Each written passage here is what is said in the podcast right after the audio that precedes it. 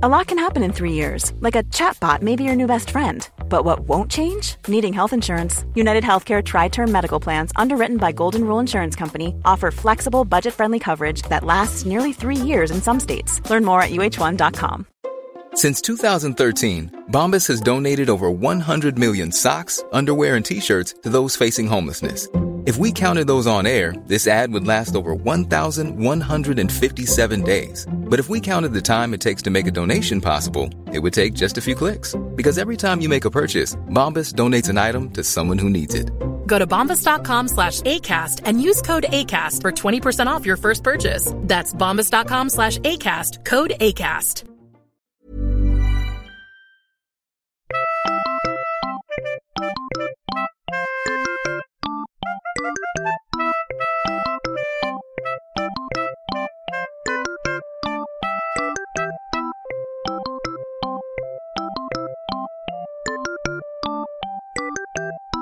Hej och välkomna till Arkivsamtal. Jag heter Simon Gärdenfors och mitt emot mig sitter Jonas Strandberg. Välkommen hit. Tack så mycket.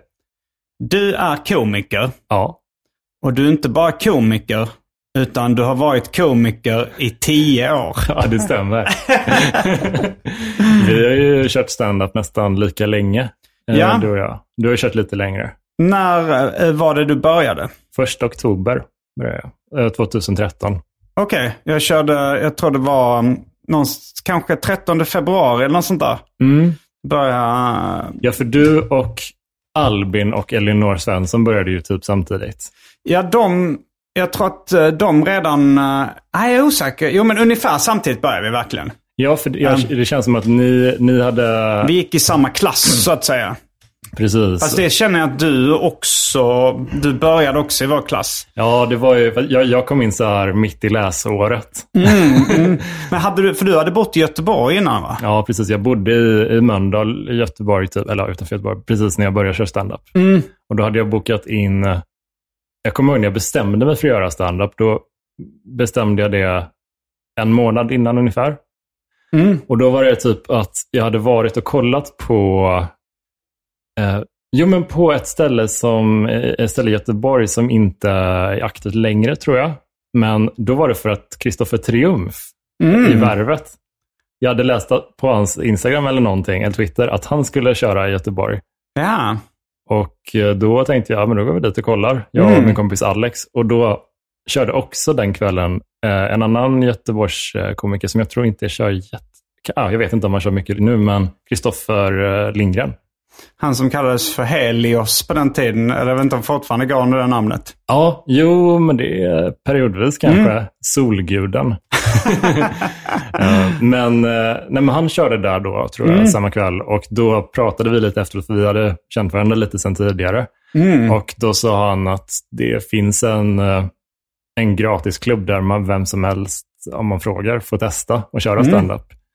Och den låg på Kalor i, eh, i Göteborg, som var en märklig bar. Calor, är det hetta på spanska då? Ja, det är det nog. va? Och de, eh, jag tror det var ungefär så det gick till. Och då bokade jag in mig där och senare så drev han också en annan klubb. Jag kanske är lite flaky på detaljerna, men jag bokade i alla fall in mig två, min debut, eh, mitt debutgig var två gig på samma kväll. Oj, du, det är väldigt ovanligt att börja med dubbelgig. Ja, jag, jag minns att jag hade först bokat in Kalor och sen så hörde jag om det här andra stället som hette Flabb.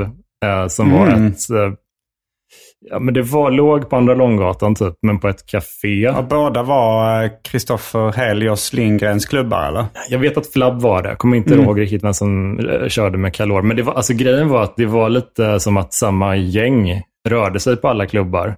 och eh, sådär. Så att man, det var bara en grupp på 12 eh, mest killar, ja, nästan bara killar tror jag, som migrerade från klubb till klubb. Mm. Var Albin Olsson en av de killarna?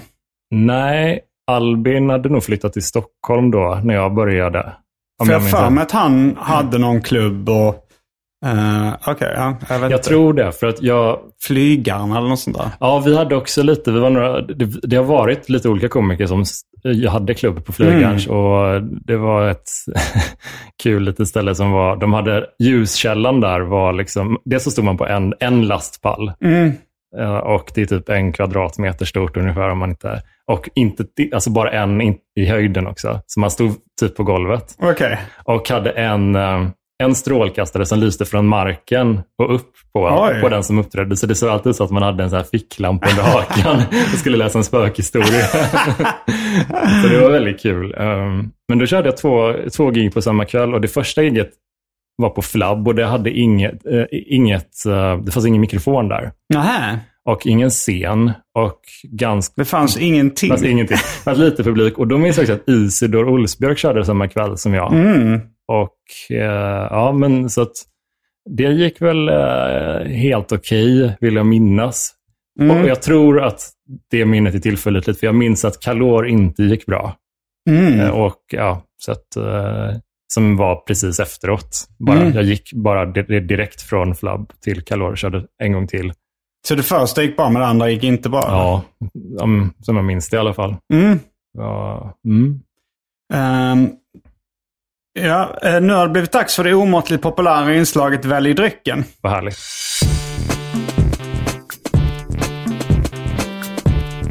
Jag tror vi börjar med det fasta inslaget Välj drycken! Och här kommer alternativen. Pepsi Max, Sprite Zero, öl. Finns lite olika sorter. Både starköl och folköl. Av, eh, från Strömmans bryggeri och från Ängöl. Kolsyrat vatten. Mm. Med smak och utan smak. Ja.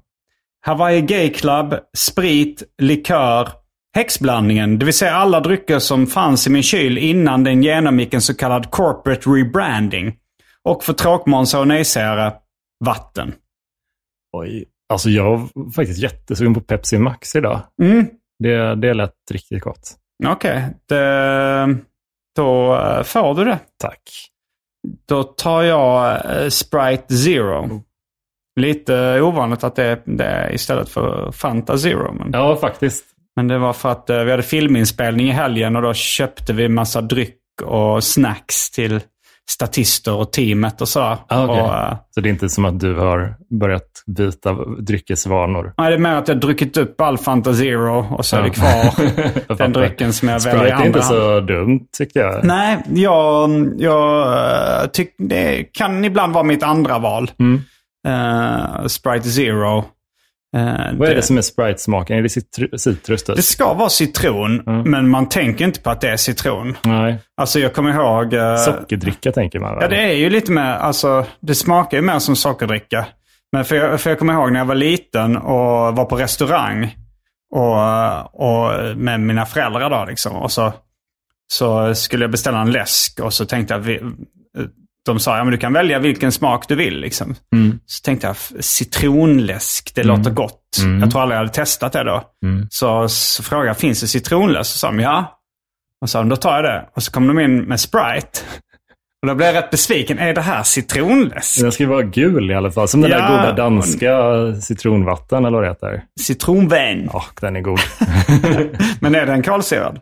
ja, det tror jag. jag Mm. ja, Jo, jo, det är väldigt eh, otydlig citronsmak i Sprite. Men jag tror det är nog ändå tanken.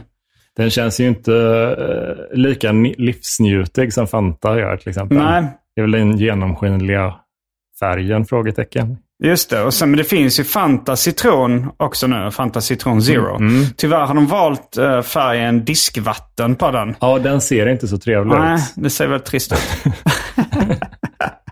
Men det är ju viktigt med läsk. Alltså, det är ju en stor del av läsks charm att den ser skojig ut. Ja, det är en stor del av livet, eh, läsk. Ja. Men, men det är intressant att citron, de har inte bestämt sig. Ska vi köra på gul, ska vi köra på genomskinlig eller ska vi köra på diskvatten? Disk, diskvatten kanske är det mest realistiska Låt oss mötas halvvägs. det blir så här, ja, pissigt diskvatten. Mm, då är vi strax tillbaks med dryckerna kända från det omåttligt populära inslaget Välj drycken. Häng med!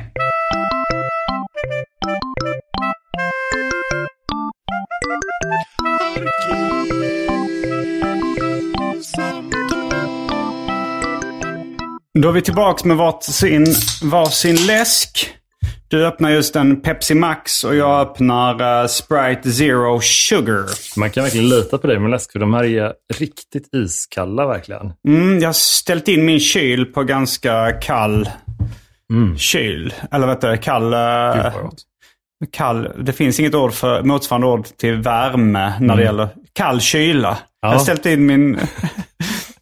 uh, din dryck är då brun mm. och min är genomskinlig. Jag, jag har en teori om att liksom man accepterar att Coca-Cola och Pepsi är brunt bara för att det är från USA. Mm. Alltså ifall, man hade, ifall det hade varit så här en polsk eller rumänsk dryck, då hade man så här hånskrattat åt dem. Så här, deras populäraste läsk är brun. ja. Varför har de varit brun som färg? Ja, det Men, är ganska fult faktiskt. Ja, det är ganska äckligt. Men jag är väldigt stor fan av Pepsi faktiskt. Jag tycker mm. den är en riktigt god läsk. Alltså särskilt, eh, jag brukar inte dricka läsk i superstora kvantiteter. Så att då, då tycker jag den en, ju sötare desto bättre. Mm. Pepsi är lite sötare än Coca-Cola. Ja, jag tycker det är jättenice. Mm. Det, jag kommer ihåg att jag fick göra ett blindtest på Sockerbolaget. Av no det var, det var sådana här, man, man fick... Um, man skulle göra någon uh, praktik. Mm. Man skulle praktisera på någon, uh, eller göra ett studiebesök. Uh, och då fick man inte...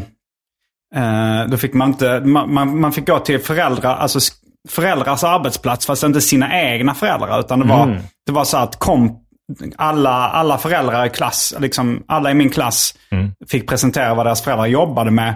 Och sen fick man då eh, göra studiebesök på, eh, på liksom någon kompis föräldrars jobb. Okej, okay, så det man roterade lite? Ja, eller ja, det var, det var bara en man fick liksom. Det var en kompis, en, klass, en kille i min klass, hans pappa jobbade på Sockerbolaget. Mm. Eh, SSA hette det då. Tror jag senare bytte namn till Danisco Sugar. Mm. Som de uttalade där. När vi var på ett annat studiebesök där. Men, men då fick vi göra ett test. Då. De hade sånt testrum liksom, där man gjorde blindtester. Mm. Och då skulle vi få testa vad vi tyckte var godast av eh, Pepsi eller Coca-Cola om vi kunde smaka skillnad. Mm. Och då märkte jag, okej, okay, Pepsi är sötare. Det är så man känner skillnaden. Och jag föredrog den. Ja, men den, den är riktigt nice faktiskt. Den, uh, den, den, det är ändå intressant att den kan ha klarat sig så länge mm. och varit, alltså man måste väl säga att den är tvåan, liksom, mm. rent generellt. Liksom. Jag tycker ju bäst om den, men den ligger ju alltid under Coca-Cola. Mm. Den har väl alltid gjort det i stort sett. I försäljning? ja, det var nog ett tag den gick om tror jag. Men... Ja, men liksom så här. Men att den ändå överlever mm. på något vis. Att, att... Jag tror inte det går någon nöd på dem. Nej, jag tror de, jag tror de går jättebra. Men uh, ja, det var, jag kommer ihåg när vi skulle göra de här uh, studiebesöken. Eh, eller praktikerna. eh, så, så var det en tjej i min klass. Det här var nog, jag tror det var i högstadiet. Jag kommer ihåg att jag var imponerad av en tjej i min klass som drog ett rätt bra skämt då. Eh, för jag frågade, Stina hette hon, jag kommer inte ihåg vad hon hette i efternamn. Men jag frågade så här, vad ska du praktisera? Då sa hon så här, Uh, jag skulle egentligen praktisera som hora, men man fick inte ta sina föräldrars arbetsplats. Jävligt coolt. Undrar vad Stina gör idag. Alltså, ja, det undrar jag också. Det, säkert, det gick säkert jättebra för henne. Ja, hon är inte i humorbranschen, då hade man nog märkt det. Ja, shit. Mm. Mm. Uh, hon kanske började jobba som hora till slut. Sveriges roligaste hora. det är en gimmick. Ja. Man får ett skjut och ett skämt. för priset av en. Ja. Det är, en, det är en unik nisch ändå. Det är fint. Ja, jag tror nog det. Skjut och skämt.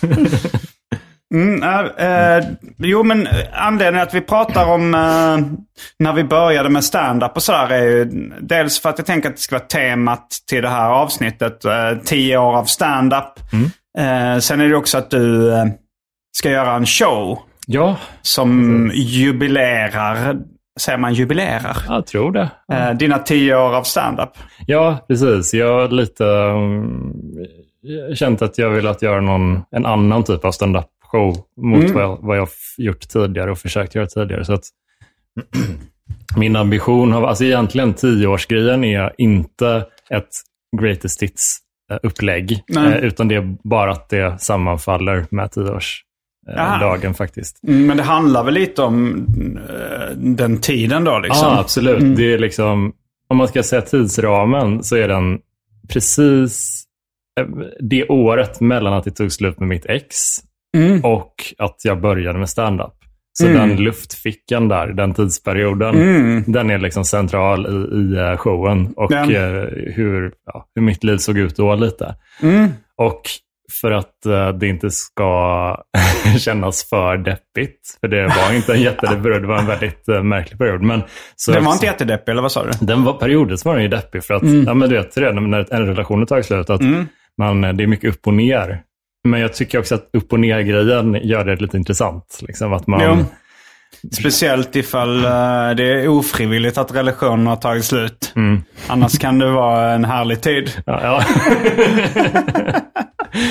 Nej, men så, så då grejen var, vi har ju eh, pratat lite om det, liksom, för vi testar skämt eh, ja, med viss regelbundenhet med varandra. Ungefär varannan vecka brukar vi sitta och gå igenom de skämten vi skrivit sen sist. Mm. Och eh, ja, du, då, då så fick jag hjälpa till lite med dina Ja. senaste skämt. Det tyckte jag var jättekul för att Mm. Eh, det som är en röd tråd också genom den här berättelsen är att jag började lyssna jättemycket på Taylor Swift under den här perioden. Och det, Mm. det är också helt, det är liksom, allt är sant. Liksom. Det ska vara min mest självbiografiska show. Och den ska vara, Hittills. ja, precis. Den ska vara jätteuppriktig Mm. eh, med min tanke. Och rolig också. Så att, Mm. eh, eh, men då var det rätt kul för att du gav mig rätt bra tips på hur man kan liksom ja, men hur man kan bygga ramen lite kring det. Vi bollade ju lite hur Mm. man kan hur man kan liksom gestalta ett år. Typ. Eller hur Ja. man kan liksom bygga Ja, upp lite det olika lite. rubriker och sånt man skulle kunna sätta. Alltså Mm. exempelvis då. Eh, nej, nu kommer jag inte ihåg vad det var för rubriker vi satte. Men vad var det till Men, exempel? men, men alltså en grej med som, som bara som dök upp när vi pratade om det, som inte var något jag hade skrivit, var ju liksom att eh, anledningen till att det tog slut Mm. i den här relationen var, det var inte uttalat, men det var väl, det var en, en stor del var att jag var ganska tråkig.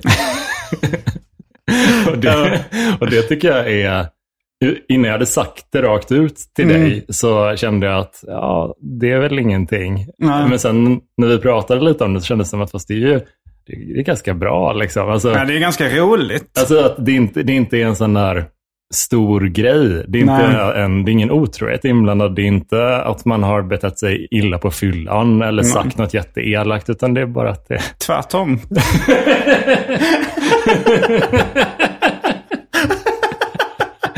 det men jag tror att det är så många relationer eh, tar slut på riktigt. Men, Ja, det tror jag också. Men det är inte så spektakulärt att berätta om. Så då tänker jag att man kan va- berätta om det på ett, på ett roligt sätt. Och Mm. det som händer då, hände i alla fall för mig, var att jag eh, började försöka göra mig själv till en intressantare person. och hitta Mm. Var det på- medvetet eller omedvetet? det var inte medvetet. Men först var det nog bara av rastlöshet som jag ville fylla dagarna. För Jag bodde kvar i den lägenheten Mm. Ja. Mm. eh, som vi hade bott i eh, i ungefär ett och ett halvt år.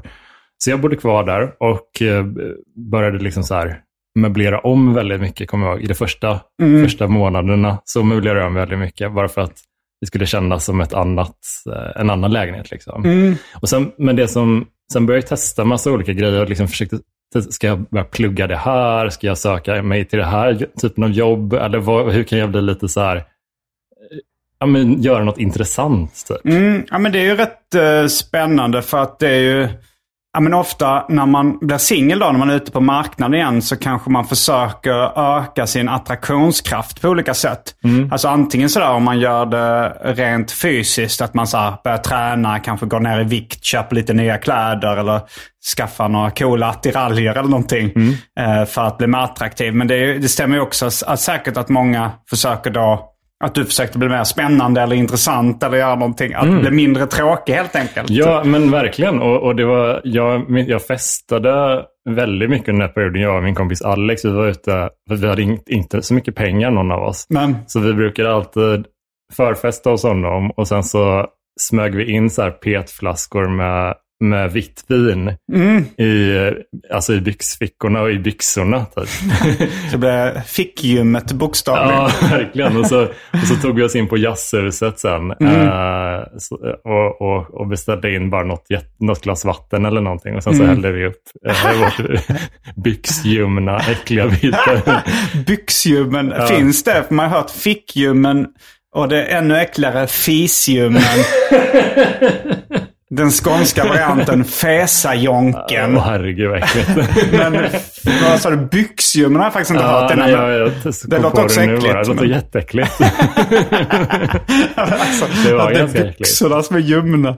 Men det var väl en rätt så, en sån dräggig period Mm. eh, också. Och jag tror att i mitt huvud har den perioden alltid varit så här, men jag gjorde ju ingenting då. Eller liksom, jag gjorde inget som var så kul.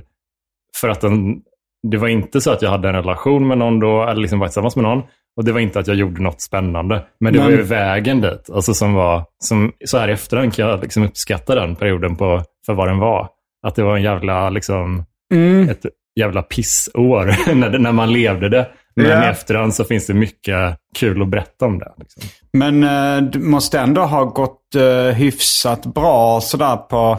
Alltså, jag har ett vagt minne av att jag tror att det var gemensamma kompis Agro som sa att han var också ute i Göteborg då. Att, att du alltid stod och hånglade med någon tjej på, på de utekvällarna. Ja, men alltså det, var väl lite att, att jag... ja, Men jag tror att jag hade liksom inte dejtat särskilt mycket Men- innan. eh, Jag hade en tjej som jag var ihop med i gymnasiet. Mm. Och sen så hände det ingenting och sen så blev jag ihop med mitt ex. eh, Som, ja, den här, ja, som triggar lite den här, det här året om man säger. Mm. Eh, Men mellan det så har jag inte dejtat någon. Så jag tror att jag bara tyckte det var väldigt kul att vara ute. Liksom. Och, och ja, men, jag vet inte, bara liksom leva ut lite på det sättet. Så det, Ja. var, det var nog den perioden. Liksom. Mm. Säger. Den perioden Agro såg dig. Ja, precis. Nej, men så eh, det, det var också det var kul. Det var liksom också mycket, mycket musik under den perioden. Både jag och liksom väldigt musikintresserad. Liksom, så att, Jag har Vi- sett lite foton på det där du så ganska lik, både liksom, eh, kanske medvetet till stilen, men också att du ser ut ganska mycket som Håkan Hellström. jo, men det var ju väldigt aktivt liksom, att jag Mm. försökte det. Men, men det... ehm, men vi var mycket så konserter och grejer. Liksom, och så Mm. Men det låter, lite, det låter lite pretentiöst kanske när man berättar om det så här efterhand, att man ska rama in en, en stand-up-show om det. Men den, den kommer vara väldigt rolig. Det, det kommer liksom vara väldigt mycket, mycket skämt, och, men också mycket storytelling. Typ. Mm. Så kan man säga. Apropå det här med um, ja, men tio år av stand-up. Minns du det allra första skämtet du någonsin drog på en scen? Mm. Vilket det var? Mm. Jag har den, jag har faktiskt fått fatt i den setlistan Mm. från mitt första gig. Jag kommer inte ihåg exakt, men det var typ, eh, jag hade kanske fyra skämt under Mm. mitt första set. Så det är inte många skämt. Det var något om, Det var, du körde inte one-liners där? Eller? jo, eller För lite. då blir, fyra one-liners är ju extremt kort tid. Det är ju Fast det typ var- f- 45 sekunder eller Ja, men det var liksom inte, jag körde kanske tre minuter på scen bara första giggen. De, det var i samma set båda de giggen. Um, men, men då var det kanske att jag hade, ja, men jag tror jag hade fyra väldigt oslipade one-liners skulle jag säga. Som då ändå tog upp lite tid. Men minns du ungefär hur det första skämtet var? Ehm, ja, det gör jag nog. Jag tror att... eh, jag tror att, av någon anledning, för jag var inte en speciellt imposing person. Ens, jag var inte så... Vad betyder he, okej, det är inte rätt ord, men jag, jag, det var ingenting som utstrå, ingen hotfull personlighet. Nej, liksom, eh, särskilt inte då. Och då hade jag ändå, för jag hade sett många komiker som desarmerade sig själva innan de gick på scen. Och då tror jag att det första kan ha varit, ett av de första i alla fall, var att ja, men jag ser inte ut som en så tuff person. Jag heter Jonas, jag ser inte ut som en så tuff person. Jag ser mer ut som en allergiker, kommer jag ihåg. Jag tror att det kan ha varit ett av de första. Ja. Jag tyckte det var kul att tänka sig hur en allergiker ser ut. Att, att det är ett, eg- en egen typ av utseende. Liksom. Jag tror det kan ha varit det. Jag Eh, minns mitt första skämt. Gör det? Oh. Ja, alltså som jag drog någonsin. Och det tror jag faktiskt letade sig in i min första special också, en slapp timme. Mm. Eh, men när jag drog det på scenen första gången det var Bungee Comedy på Norra Brunn. Då möttes det av noll skratt. Total tystnad. Ja. Och skämtet var så här. Ni vet när man är bakfull. Man har varit ute och druckit dagen innan och så går man upp på morgonen dagen efter och ska kissa. Då kommer det ju alltid blod ur urinröret.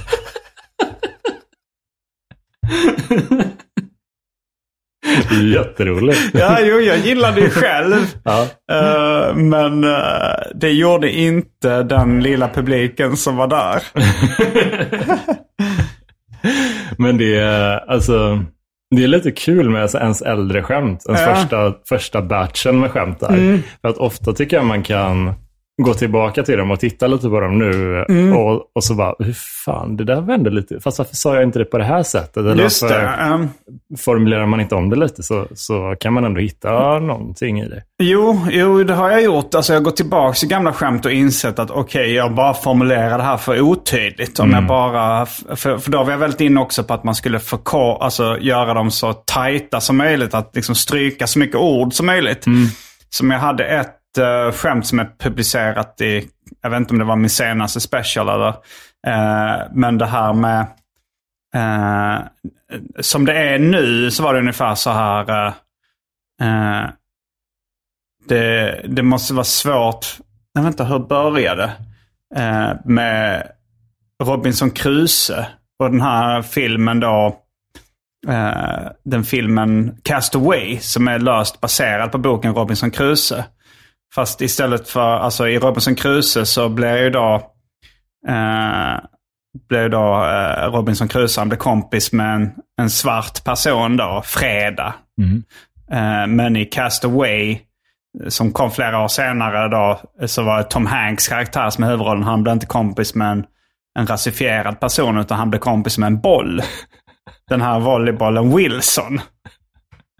Och, eh, och då så uh, tänker jag att det måste vara svårt för, uh, för eh, Tom Hanks karaktär att anpassa sig. För han var på en öde ö väldigt länge och sen kom han tillbaka till det vanliga samhället och saker har förändrats. Liksom. Det måste vara svårt för honom att anpassa sig. Han har inte hängt med. Vissa saker var inte längre okej som var okej när han liksom lämnade samhället. Han kanske säger saker som, jag tycker inte man ska använda ordet negerboll. Vissa av mina bästa vänner är faktiskt boll. Så långt blev det när jag, eh, när jag liksom... Men första gången jag testade så sa jag kanske så här. Det måste varit svårt för Tom Hanks karaktär att anpassa sig när han kom tillbaka från den här dörren till samhället. Han kanske sa saker som bla bla bla. Alltså då blev det så kort. Ja, det- Så då förstår då, då märkte jag att okej, det var inget skratt. Så tänkte jag okej, då slänger jag det skämtet. Alltså- men, sen, eh, men sen så många år senare kom, så tror jag det var kanske Jofi eller någon, Johannes Finnlaug, som sa att jag tyckte det var jävligt kul. Så tänkte jag, men det gav ju inget skratt. Så kan ha varit han som har sagt då att så här, men du kanske, de kanske inte bara fattade premissen. Liksom, du kanske förklara den lite tydligare. Och, det, och det, det talar ju emot lite vad man har lärt sig i början av stand-up och göra det så kort som möjligt. Ja, det är det enda man hör. Ja, Typ. men, eh, så, men man glömmer kanske att ibland måste man få folk att förstå premissen för att punchlinen ska funka. Ja, alltså för det, jag följer också den uh, guidelinen väldigt hårt Mm. i, alltså, i flera år. Att eh, hålla det så fåordigt som möjligt. Just det, du skrev till och med till mig innan du började med stand-up. Då hade du en blogg som hette Populärkultur eller något liknande. Ja, just det. Mm. Och då så... Eh, då så... Eh, då hade jag varit med i en one-liner-tävling här i Stockholm. På Stockholm Comedy Club. Och så skrev du till mig så här... hur skriver man one-liners? Just det. Och då följde jag samma tips. För jag, jag tror jag ställt samma fråga till eh, Johannes Finnlaugsson. Och han gav det enkla tipset. Stryk ord. Att man har ett skämt och sen stryker man tillräckligt mycket ord tills man bara har kvar essensen. Då. Det, de enda orden som är viktiga för att få fram skämtet är kvar. Och, då, och om man har tur då så är de så kort så att de går in på bara en rad. Det, alltså det är ett väldigt bra tips, ska Mm. sägas. För att många, all, alla skulle jag säga, när man börjar, håller Mm. det för babbligt. Jo, det är mycket vanligare då att folk eh, eh, håller det för otajt än att man inte förstår skämtet. Så att det här med Tom Hanks-skämtet, det är ju, hör ju till undantagen. Att premissen behövs förklaras mer för att punchlinen ska gå igenom. Snarare än att... Eh, för, för det vanliga är ju att det går att korta ner skämten och de, det finns väldigt mycket onödiga ord. Speciellt kanske bland nybörjare då. Så att då blir det för, för mycket prat och för lite hockey. Jo, eh, så är det ju verkligen. Men jag tänker också att när man man behöver nog gå igenom den här perioden av att hålla det så fodigt som möjligt för att lära sig det, så man kan använda det verktyget. Mm. Men samtidigt så tror jag att nu när du, ja, men som eh, Robinson Crusoe-skämtet som exempel, så blir det ju, det får ju en puls eh, och lite rosor på kinderna, det skämtet, när du berättar mer målande. Alltså, Mm. det blir ju mer engagerande Mm. än om du bara... Och så kan jag känna också med många av mina kortaste skämt att ah, det här hade du kunnat liksom blåsa upp det lite. Liksom. Ja, jo, det är en balansgång där. Jag kommer ihåg, jag gick en kurs i stand-up. eh, eller två kurser. En endagskurs för Anders Selin och sen en som nog var i en vecka eller två med Thomas Oredsson från Norra Brunn. Och då kommer jag ihåg att jag frågade, går det att förkorta, att tajta till ett skämt för mycket? Mm. Och då kommer jag, det var, ja, jo, jag, de fattade inte riktigt frågan kanske, men sa, jo men det går nog att göra det för. jag vet inte, eller ka- kanske inte om man får fram poängen liksom. Nej, men precis. Det, Men, men sen ibland, vissa har ju en mer målande stil som funkar också. men jag tror det som är det, det, den enda fällan, eller vad man ska säga, som jag upplevt eh, när jag har, har hållit det som kortast med one-liners, är ju typ att staccato-känslan infinner sig lättare. Eh, det vill säga att det liten hackig rytm i standupen. Ja. Att det är lite... Att det är lite samma, samma. Ja, och tycker du det är effektivt eller inte? Nej, jag tycker det är negativt för att eh, om man är en mer målande, berättande komiker, Mm. då, då känns det inte lika mycket samma, Nej. skulle jag säga kanske. Nej, det känns ju med. Fast jag tycker den här rytmen som one-liner-komiker får in, som är så här, så här bla bla bla bla bla, setup, setup, setup, punchline. Och, s- för då förstår publiken när skämtet börjar och när det tar slut och när tanken är att de ska skratta. Och då tycker jag oftare det folk skrattar när de vet vad de ska skratta. Det är sant. Eh, det är så att den verkligen sant. rytmen kan ha en poäng också, liksom, om, man, om man vill ha mycket skratt, vilket Ja, man brukar vilja. Jag märker typ när jag, ibland när jag konferenserar på, på Norra Brunn Mm. och eh, när jag är det så brukar jag gå tillbaka till mina kortaste grejer för Mm. att jobba upp. Då är, känner jag att mitt, mitt uppdrag där är att få dem att få, kunna börja skratta, Mm. få igång garvet i rummet. Och då, om man snabbt ska åt det så brukar det mest effektiva vara precis det du säger, att, Mm. att lite dirigera in skrattet Ja. med, med sina skämt. Alltså att det blir Mm. att det blir lite så. Ja, ja det, det är så. så det, Ja, men så, det, om man säger Michel Sanchez eller eh, amerikaner, då, Mitch Hedberg eller sådana. När de kör den, den rytmen så är det väldigt effektivt. Mm. Och du körde det mer förr. men jag tycker det är kul att kunna ha det, att plocka fram det vid behov.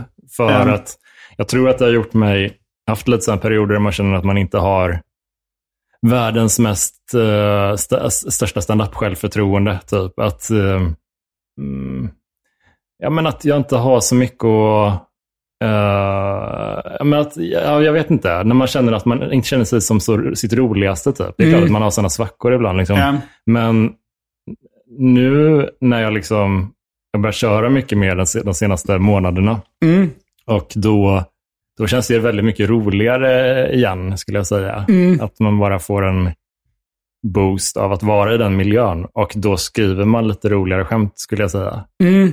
Om, Jo, eh, det är ett tips till er som eh, vill bli bättre på stand-up eller vill börja med stand-up. Att jag tycker oftast man får de flesta idéerna när man dels kör stand-up och dels hänger med komiker före och efteråt. Och pratar med andra komiker. Att då, har, då finns det en sån nerv i rummet på något sätt som gör att, eh, att man skriver, antecknar mycket idéer och får en del. ja, jag tänkte på det särskilt när jag var på uh, Snälla Comedy-klubb, Mm. uttalar man nog den tror jag. Uh, som Clara Kristiansson och uh, Hanna Lublin och Viktor Elsnitz, tror jag. Kanske Och det- Desi. Är Desi med också? driver den? Mm. Den Vad heter hon efternamn? Desi Hetala, tror jag man Het- uttalar. Hej- Heitala. Något sånt ja. Mm. Uh, jättebra klubb. Mm, det är Och- jättebra. Jag har också kört den. Och då hade jag, när jag körde där, så hade jag haft något gig innan som inte alls kändes bra och jag var väldigt stressad under den perioden också. Så att det kändes som att allting tog lite hårdare. Mm. Alltså när man har en mot, drabbas av motgång och är väldigt stressad så blir man ännu verkligen så här, fuck, jag är så jävla dålig. Mm. Men så körde jag där och då spelade de också, jag kommer ihåg, när, när jag gick på scen så spelade de Antihero, eh, Taylor Swift-låten. Ja. Och var väldigt så här, ja, men så gulliga innan. Och det var så fin, här, rolig stämning. Ja. Och kul att hänga med folk backstage och sådär. Och, och det tyckte jag gjorde rätt mycket. Med att man ska få lust att tycka det är kul att skriva. Så att jag är ganska, det är ett ganska lynnigt sätt att förhålla sig till det. Men jag, jag är väldigt lätt påverkad av när folk är liksom eh, så snälla. Mm. Och så. Och, Snälla kom, ja. Nej men det är verkligen jätte... Ja, men de var väldigt, eh, väldigt varm stämning där tycker jag. Väldigt eh, fint. Um, jag tänkte också på det här med motsatsen lite till den här som vi pratade om nyss. Den här liksom rytmen man kan ha i one-liners där det är väldigt tydligt där uh, skämtet ska komma. Ehm, att det finns en motpol till det. Jag tänkte på Messiah Hallberg till exempel. Han ibland eh, liksom skämtar på ett sätt där han, han vet exakt vad det roliga är i skämtet. Men han lite låtsas att det inte är där. Att han liksom pratar vidare. Att han Ja, säger så här bla bla bla bla bla punchline bla bla och. Ja, ja, och så kommer exakt. liksom skrattet där, där han säger och. Ja, ja. Att han låtsas att han inte vet att han Ja, själv är rolig. det liksom tycker jag är jättesnyggt Ja, det är väldigt faktiskt. snyggt. Man, man- om, om man har sett det flera gånger så vet man exakt var hans paus Ja, kommer. men det är liksom inte det. efter. Det, det är inte i slutet av en mening. Utan och liksom, han är på väg att säga någonting nytt och låtsas så, oj, där börjar ni Ja. skratta. Men Det- det, är- det är ganska snyggt. Det är liksom motsatsen till det. Att man ska inte, man ska inte liksom berätta för publiken var de ska skratta. Utan, Nej, men jag, jag är lite jag är jätteimponerad av den tekniken för att det, det låter som ett enkelt sätt. eh, En enkel teknik när man beskriver den. Men det Vilken är, av dem? Det, det, med den eh, Messiah-sättet. Okej, ja. Men samtidigt, den kräver en, en känsla för när man använder det och hur och liksom sådär. Men Mm. det tycker jag också, jag har blivit lite inspirerad av det sättet att man vet vad ett punchline-ord är. Man vet när man är när man, hade jag skrivit det här skämtet för fem år sedan, Mm. då hade det här ordet, eh, snigel, det hade varit sista ordet i skämtet. Ja, Men då lägger jag till en liten svans på det bara, eh, så att det liksom fortsätter lite. Mm. Då blir det också lite ett slirigare skämt, men det, blir, det får lite, lite, en liten annan puls på något sätt. Att man, man klistrar på ord, två eller tre ord som inte behöver vara där. Ja, det är ganska roligt. Jag tänkte på det när jag tecknade. Jag började ju som serietecknare. Det var ju kanske min första publika uttrycksform i humorsammanhang. Och då gillade jag att göra så här eh, ensidare som har sex rutor. Och då brukade jag placera punchlinen i näst sista rutan. och så, eh, för att jag, jag hade sett typ David Liljemark eller någon annan göra det. Och, eh, och jag tyckte ofta det blev roligt för det, det ser så dumt ut då att punchlinen kommer och sen kommer någon, någon, någon mening till efter det. Jag tycker det är, jag tycker det är ett jätteroligt Ja. sätt att berätta skämt på. För att det är som att det... eh, ja, men, det blir också lite mindre konstruerat. Det känns mindre konstruerat också. På något Mm. vis. eh, att man... Uh, det är mer som att man berättar någonting och inte har funderat igenom det jättenoga innan. Men det är ändå kul. Men, eh, ja. Men det är lite svårt tycker jag. Eh, När jag, sitter, när jag skriver på, på, på den här showen, nu, liksom, att, att få in... Jag, jag körde några av de skämten som vi liksom bollade. eh, De körde jag dagen efter på Norra Brunn. Den, Och då märkte jag att en annan komiker, vi snackade lite efteråt, han trodde att jag skojade om min fandom. Att, det, att jag bara, alltså Taylor Swift-grejen. Att jag tror att det var ett skämt. ja. Alltså man säger det för att det är roligt att ha en, en, en popstjärna Mm. som... För du kör ju lite med den humorn i andra sammanhang. Att du, har, att du låtsas vara ett stort fan av Joe Biden. Ja. Och köpte en Joe Biden-keps och köpte... Det är också någon sorts subtil humor. Alltså, och det skulle, så jag förstår ju ändå att om man eh, Ja. tror att det är samma grej då med Taylor Swift. ja. Att det är så här ganska intetsägande, i mina ögon, eh, artist. Liksom på samma sätt som Joe Biden är ganska intetsägande politiker. att det är väldigt roligt att vara så stort Joe Biden-fan. Ja, liksom. jag var hälsade på Albin och Ramona Mm. för några, någon månad sedan. Albin Olsson för er som inte Ja. är insatta i podd och komikerfandom. Ja, men precis. Och han, eh, han hade fixat en födelsedagsmiddag till mig faktiskt. Mm, ja, Eh, jag och min tjej var där och sådär. Och då kom vi in på det och de, han, han var liksom ändå genuint nyfiken på var fandomen kom ifrån. Taylor Swift-fandomen. Ja, ja, men Eller precis. ja, eh, fanskapet. Ja. För vi är ganska... Vi, Fanskapet. Ja, men, vi är väldigt, jag och Albin, vi har väldigt lik musikalisk liksom, bakgrund. Ja, Och- ni gillar väl indiepop och Ja, men precis. Vi tycker om nästan exakt samma band Mm. och sådär. Men det är det stora avsteget. Mm, Eh, Att eh, han inte förstår det typ. Så jag hamnade i en situation lite runt bordet där det kändes som att jag verkligen försökte försvara på ett sätt som jag bara, ja, men jag vet inte varför jag försöker försvara det här. Det är jättepopulär musik. Gillar du Jävlar anamma också? Nej, det är inte så mycket. Då Men- har Albin något som inte ja, du ja, gillar. det är sant.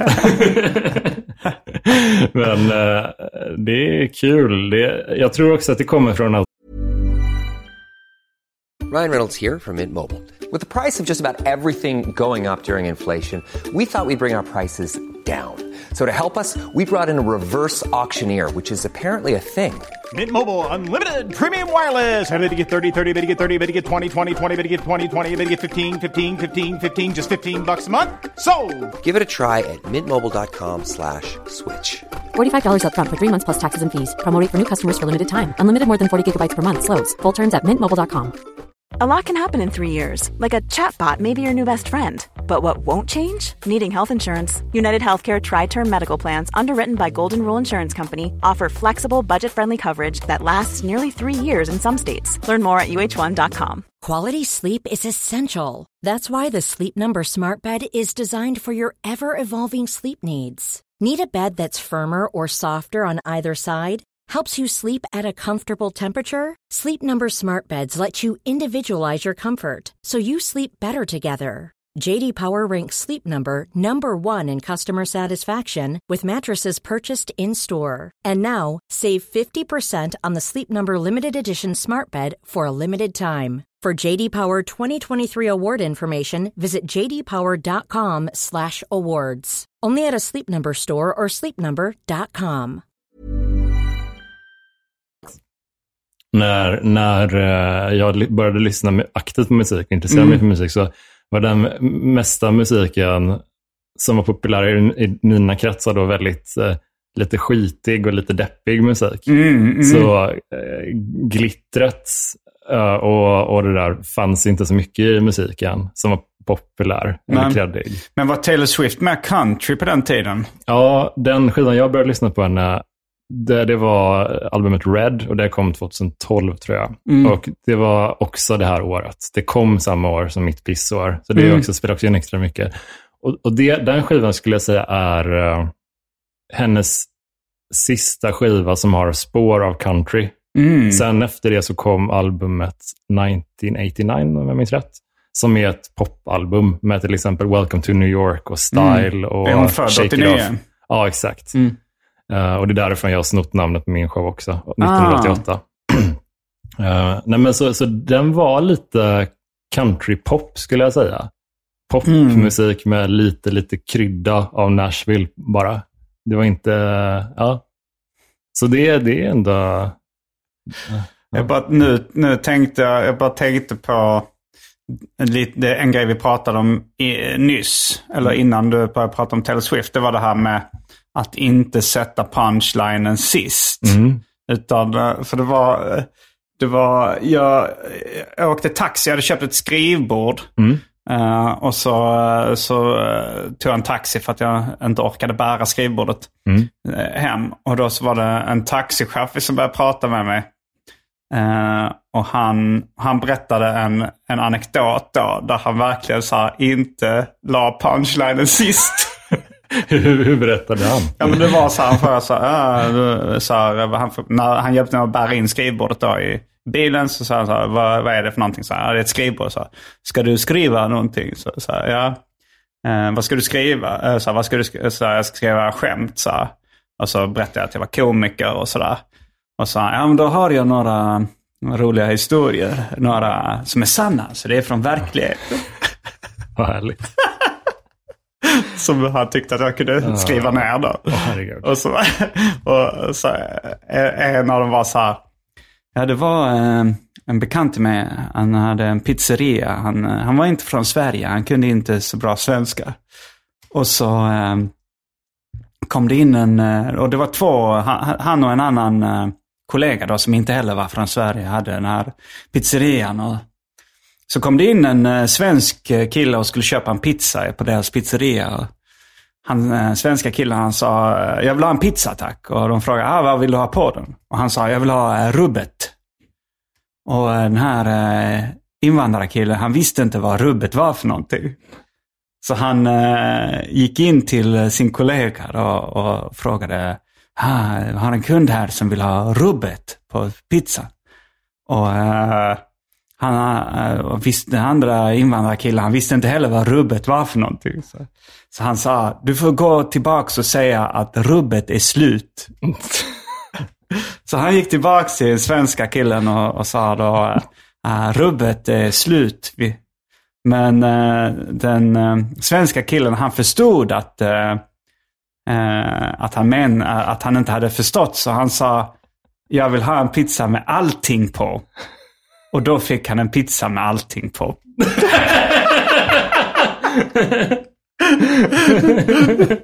För punchlinen var ju där vid rubbet är slut. Alltså, Det är roligt att det kommer en liten extra svans. Men det är ju så, det är ju så typ eh, föräldrar berättar i, i, alltså anekdoter också. Eller att de bara berättar alltså så här, har jag berättat om när jag ramlade på en isfläck utanför GKs. Och så är det det som är slutgrejen. jag, jag, sa, sa ju var typ i släktingars berättelse. Men en liknande historia om det här med rubbet berättade min eh, farbror Ulf då. Men han eh, levererade den eh, korrekt med punchline på slutet. Då berättade han så här att det var en... en, en de, det var under tidningen. De sålde liksom... Det, det kom en tjej då och skulle sälja jultidningar. En, en flicka då på kanske eh, 10-12 år. Och så eh, frågade han, vill du köpa jultidningar? Och så sa han, eh, har du några rekommendationer? Och då sa hon, nej tyvärr de är slut. det är lite samma historia fast rätt berättat. Ja, ja, precis. lägger han det. Men det hände ju något annat med den, den här eh, första versionen berättade. Ja, Vill du höra hans andra historia Ja, jag vill. som han hade? Som var... Gärna. Ja, det var en, eh, en kompis till mig. Han, eh, han var, eh, reste runt mycket i Sverige i jobbet och så här. Han, har- han hade en fru hemma, men han var, han, hade älskarinnor på lite olika platser. Och så var det hans, där, där tror jag han levererade den. Jag, bara, jag vill förvarna nu att det inte kom någon svans. Utan, utan den var ganska korrekt levererad. Ja. Han sa, ja.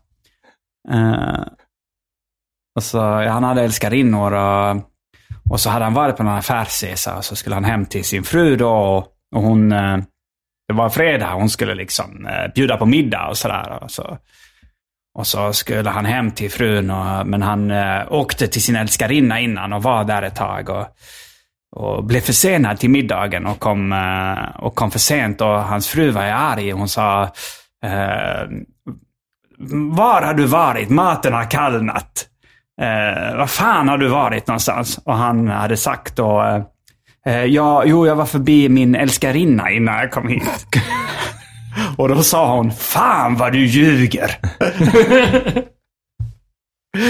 Jag tycker någonstans att jag känner igen den historien. Ja. Eh, Ja. och, och det kom en liten svans sen eh, då när han förklarade. Så här, för hon, eh, hade han då kommit med någon annan lögn så hade hon ju inte trott på det och trott kanske att han... ja, det känns ju som någon så här Josef Fares-film någon har tagit. Alltså, ja, men jag tycker jag känner igen den från någon skämtbok eller Ja, någonting. Jag tror, jag tror inte kanske var det hans dialekt som gjorde att jag tänkte Eh, på Jag vet, jag farsan. vet inte eller- riktigt vad, eh, vad för imitation av vilken dialekt jag har. Men det, jag känner att det, det var för mycket finlandssvenska i Han, han den. påminner lite om Andres, din eh, skolkamrat. Islänning. ja, ja. Det är kul att du har en utlänning. Ja, nej jag har, jag, jag tror säkert jag har fler. Men, eh, du kör inte så mycket med imitationer eller? Nej, jag är inte så bra. Eller jag är jättedålig på dem. Jag är inte... ja, men nej, jag har faktiskt inga imitationer jag tänker efter. Man skulle vilja ha några. Man skulle vilja ha flera sådana grejer. Eller ha en imitation hade varit kul. Mm. man, man hade gärna någon lite gammal, alltså så här, som inte är så aktuell. Mundebo. Om du känner till den. Nej. Jag tror det var, ehm, vad heter han nu som har massa kända barn och barnbarn? Eh, imitatören. Alltså Bosse Parnevik. Ja, just det. Jag tror han hade då en, eh, en karaktär, en imitation av uh, politikern Mundebo. Som var, hade någon form av talfel. Och så, det, blev, det blev en känd liksom, imitation. Men Mundebo, det, det är, att idag ha en Mundebo ännu mindre. Jag tror redan då var det lite så att han bara tyckte det var en kul gubbe. Liksom, Ja, men, men att Mundebo exotiskt. inte var sådär jätte... Roligt om man skulle ha George Bush. en George Bush-imitation. eller, eller... eh, ja. Pappan i Alf. Ja. ja. Jag för mig det var när jag körde roast battle i, eh, i eh, LA. Så var det en då jurymedlem som var någon sån gammal komiker som uh, körde sådana här riktigt gamla imitationer. Han, köpte, han körde liksom Gilbert Gottfried bland annat. Men jag för mig att han körde pappan i Alf också. Men alltså, var, kan man inte, om man har grundstommen för en imitation, Mm. kan man inte bara försöka hitta vem är det som pratar lite så här nu? Finns det någon aktuell person som har lite det här röstläget så jag kan modellera Jaha, rösten ja, att lite du grann? uppdaterar dem. Ja, att man bara Men gör en det- liten tweak. Så. Men det är också lite tråkigt med imitatörer som tar de mest uppenbara. Att man har hört jättemånga Leif GW Persson. ja, men det är många också det Leif lättaste. Persson. Det är och bara- många Zlatan-imitationer. Vad finns det mer? Maria Montesami hör man ibland. Ja, Eh. Montazami är, är, skulle jag säga, snäppet svårare. GV och... ja, Men GV är nog det absolut lättaste Mm. att göra en, en igenkännbar. Att man fattar vem det är. Ja, och det får man väl säga är nå- är något sorts grundkriterium. Björn Liksom. Ranelid borde ju vara rätt enkelt, men jag hör det ganska sällan. Ja. Förutom David Liljemark imiterar Björn Ranelid Ja, ibland. det tycker jag. Visst har han gjort det i Arkivsamtal? Ja, det har han säkert. Det tycker jag är väldigt kul. Eh, men, eh, ja, men det är några av dem där. Jag tycker de är lite så här... Inte exakt fegt, men jag tycker det är lite trist när man kör, går till en sån som man vet att alla kan imitera den här lite grann. Ja, speciellt när det inte finns så bra skämt i det. Alltså utan det är Ja. bara så här, okej nu är skämtet att du imiterar Leif Persson. Ja, men det var en, jag, jag hade, som jag inte riktigt slipade fram, men det var någon grej nu, alltså ganska tätt in på vi spelar in det här avsnittet så gjorde GV gjorde, skapade rubriker eh, för att han hade varit närvarande på en rättegång och eh, pratat så att han störde processen. Mm, mm. Och eh, då blir man nyfiken, så här, vem, vem pratade han med då? Ingen alls. Han pratade med sig själv. Och sen kör du en GV-imitation. Ja, men det, det är lite, lite någonting sånt kanske. Men alltså, det, det var mer det som var så roligt att, att han har han har ju roliga grejer med sig, men hans röst tycker jag inte är det roligaste med GV, utan det är mer att han, han är så jävla excentrisk. Typ. Mm. Att han så här, man sitter på en, under en rättegång och pratar med sig själv.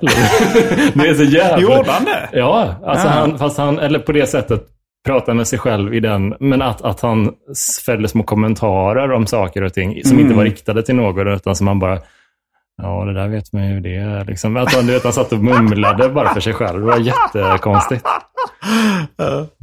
Så det, det, det är ju väl någonting som han har som är lite mer intressant än hans släpiga tungandan, ah, ah, hans röst Eh, faktiskt.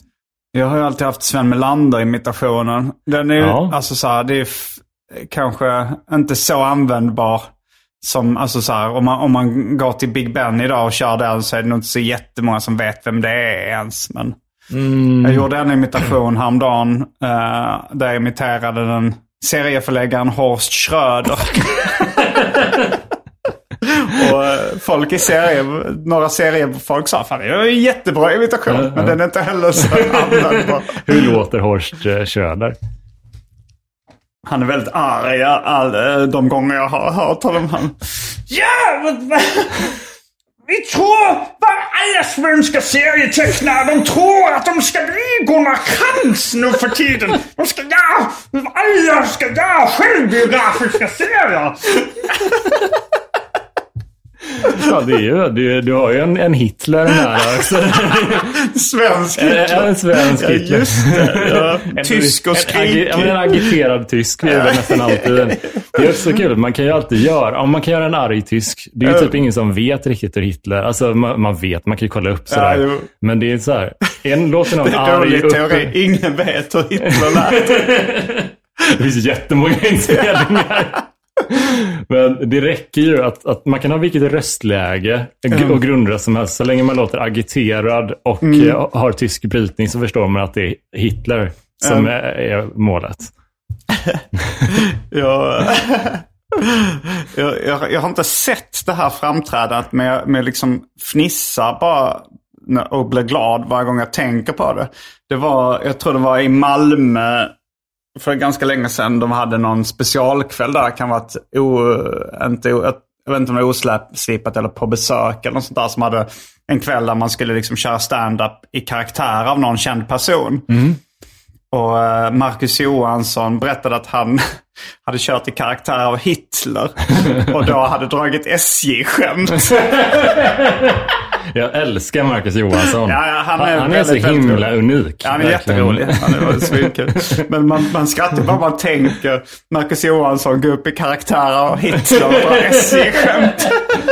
Att han är fly förbannad på tågen. Alltså det är otroligt roligt. Bara, bara grundpremissen är jätte, jätterolig.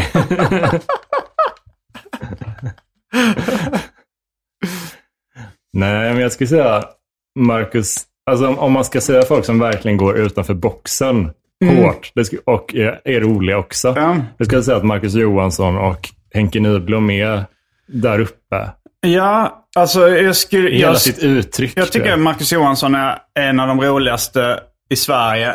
Men jag skulle inte säga att han går utanför boxen så jättemycket. Han är bara, jag tycker mer att han, han, är, han kör eh, ganska mycket... Alltså eh, just det här var ju en kväll man skulle göra karaktärer liksom. Han Men att han kör ofta liksom eh, ganska vanlig stand-up fast jättekul liksom. Ja, ja. ja men jag tänker typ Han att har gjort någon sån experimentell show. Så nu tar vi över Härjedalen. när han har gjort någon Facebookgrupp om att de ska ta över Härjedalen. Ja. Alltså, så han har gjort vissa experimentella grejer. Men han, eh, jag tycker egentligen, även när han bara kör helt vanlig stand-up så är han grym. Ja, han är, han är rolig. Men, men han hade en rolig grej som, eh, som sticker ut extra mycket också i minnet nu. När vi var med i samma roast. Och då Mm. var... Det skulle vara någon roast av olika klubbar tror jag. Att det var en sån Mm. Ja, grej. men det kommer jag ihåg. Det var Göteborg. Jag såg inte den, men jag kommer ihåg att den annonserades. Ja, och jag tror att jag var... Jag var nog roastmaster då, Mm. för den, om jag minns rätt. Jag hade någon typ av sån uppgift i alla fall. Och då... Mm. Marcus grej var typ att han... Han representerade dels oslipat förstås. Mm. Men han, hans vinkel var liksom att han var som i eh, en julsaga, om du kommer ihåg den, Charles Dickens. Att han Just är det där spöket från eh, det förflutna typ. Liksom Mm. Att han, eh, att han liksom har sett alla typer av komiker. Han har sett det här, du är, alltså, han avfärdade alla som olika typer bara. Mm, ja, mm. Jag har sett folk som gör den här grejen och som gör den här grejen. Alltså, det, Ja. det var liksom, man bara matade av. Liksom. Mm. Och det tycker jag funkade så jävla bra, för det var verkligen alla andra var ganska gröna komiker Mm, som hade så här, alltså skrev lite helt okej roast-skämt antar jag. Mm. Men hans vinkel var så, så mycket roligare.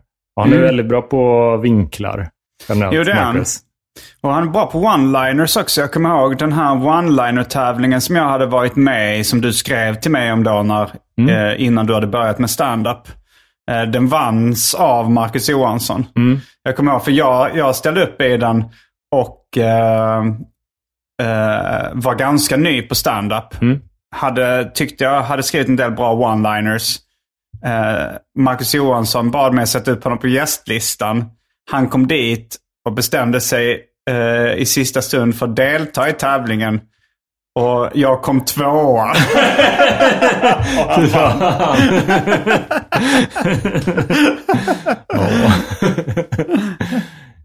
Shit vad kul. ja, men han har några väldigt roliga one-liners. Alltså, han är bra på det också. Men det var väldigt kul. Jag, tycker det var en väldigt rolig period också. Den eh, första, första tiden Mm. liksom, särskilt. Alltså, det var, folk lekte sig fram ganska mycket. Ja. Och det fanns liksom inte så mycket...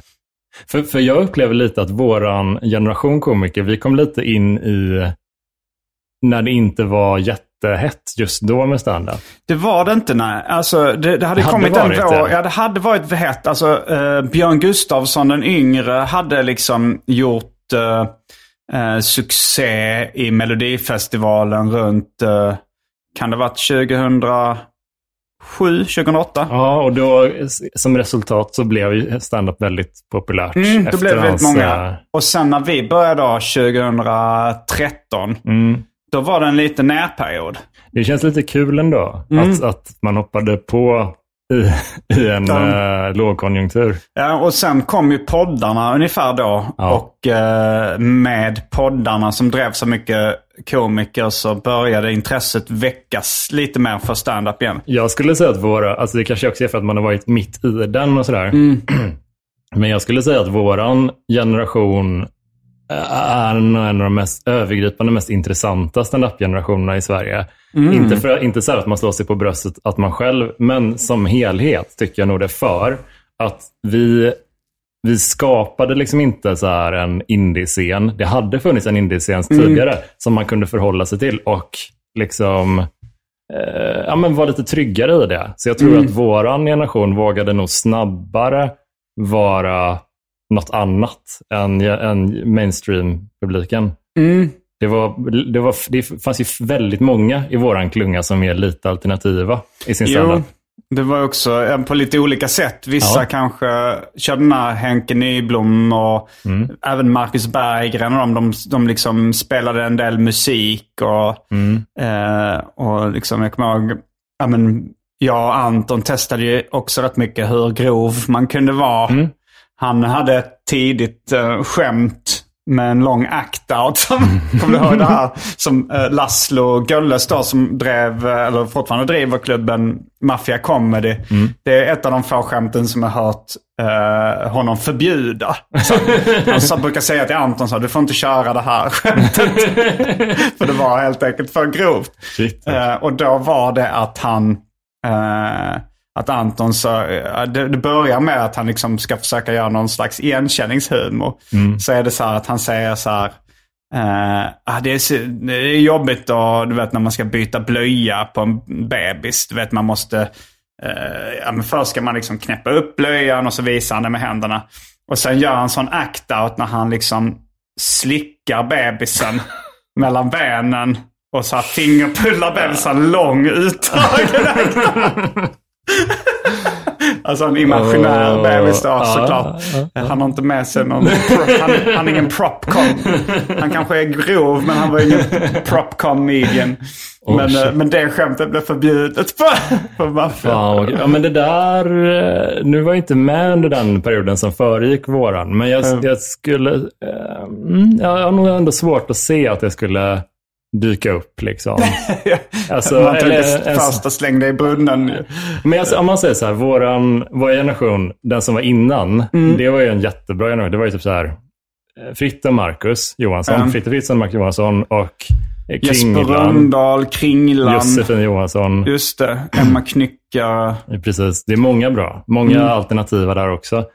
Men jag tänker att de la ju någon sorts grundplåt Mm. lite för att vara alternativ komiker. Ja, och många- idag, om man tittar tillbaka så ser det inte så alternativt ut. Alltså det var Nej. säkert det då. Mm. Men, eh, men alltså nu leder ju, eh, ledde Jesper Rönndahl Melodifestivalen med ungefär samma typ av humor som han körde då. Fritte vann På spåret nyligen. Mm. Och, alltså så här, det, är, det är sant, men jag tror att de...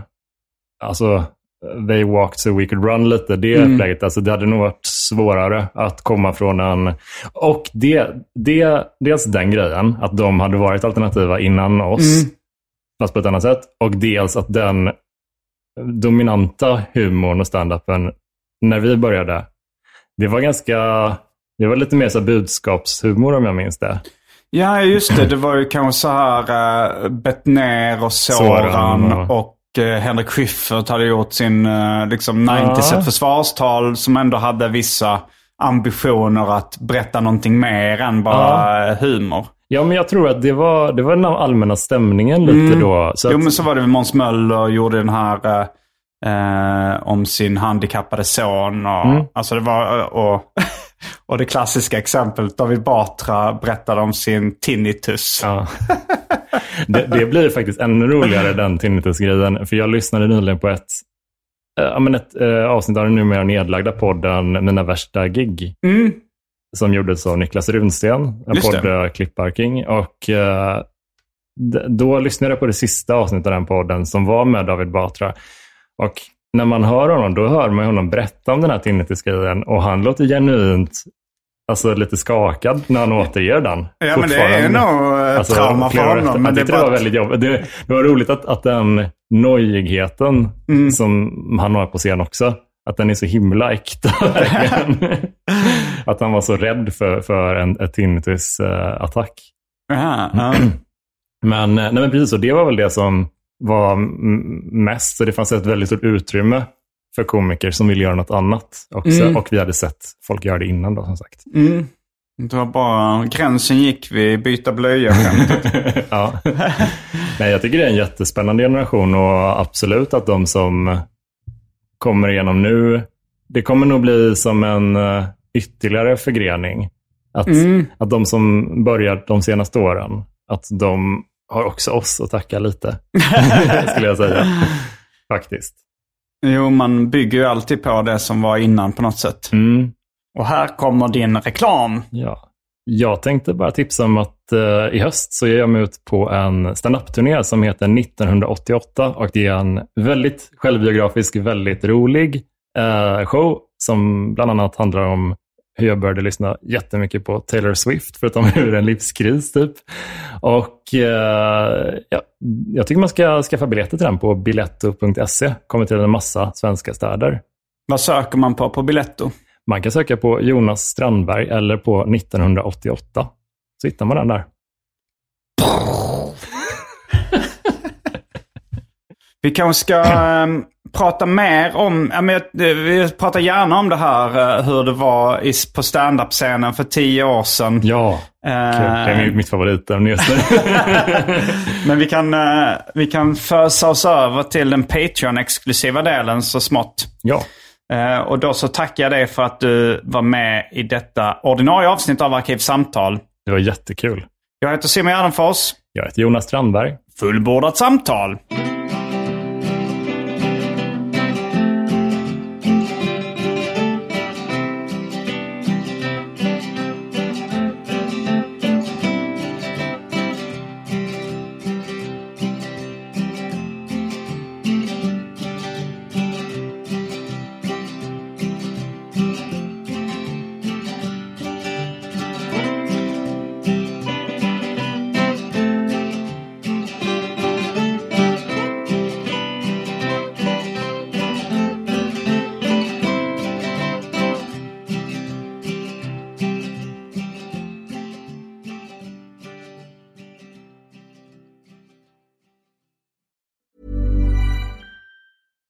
Hey, it's Paige DeSorbo from Giggly Squad. High quality fashion without the price tag. Say hello to Quince.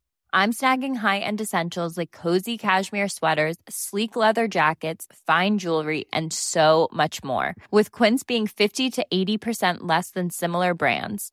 And they partner with factories that prioritize safe, ethical, and responsible manufacturing. I love that. Luxury quality within reach. Go to quince.com slash style to get free shipping and 365 day returns on your next order. Quince.com slash style.